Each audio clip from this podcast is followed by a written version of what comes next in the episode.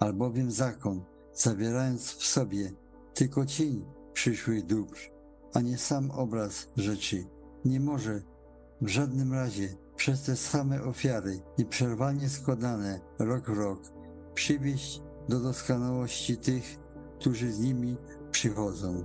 To też przychodzą na świat, mówi, nie chciałeś ofiar chwawych i darów, ale ciało dla mnie przysposobił. Potem powiada, oto przychodzę, aby wypełnić wolę Twoją.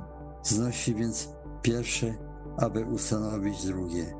Mocą tej woli jesteśmy uświęceni przez ofiarę ciała Jezusa Chrystusa raz na zawsze. A każdy kapłan sprawuje codziennie swoją służbę i składa wiele razy te same ofiary, które nie mogą w ogóle zgładzić grzechów.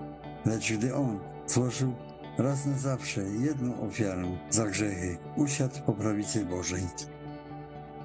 Albowiem jedną ofiarą uczynił na zawsze doskonałymi tych, którzy są uświęceni. Poświadcza nam to również Duch Święty, powiedziawszy bowiem, takie zaś jest przymierze, jakie złożę z nimi. Po upływie owych dni, mówi Pan, prawa moje włożę ich serca, a na umysłach ich wypiszę je. Dodaje, a grzechów ich i ich nieprawości nie wspomnę więcej. Gdzie zaś jest ich odpuszczenie, tam nie ma ofiary za grzech. Nie chcesz ofiar krwawych i darów, ale dałeś mi otwarte uszy. Nie żądasz całopalenia i ofiary zagrzesznej. Wtedy rzekłem, oto przychodzę, w zwoju księgi napisano o mnie.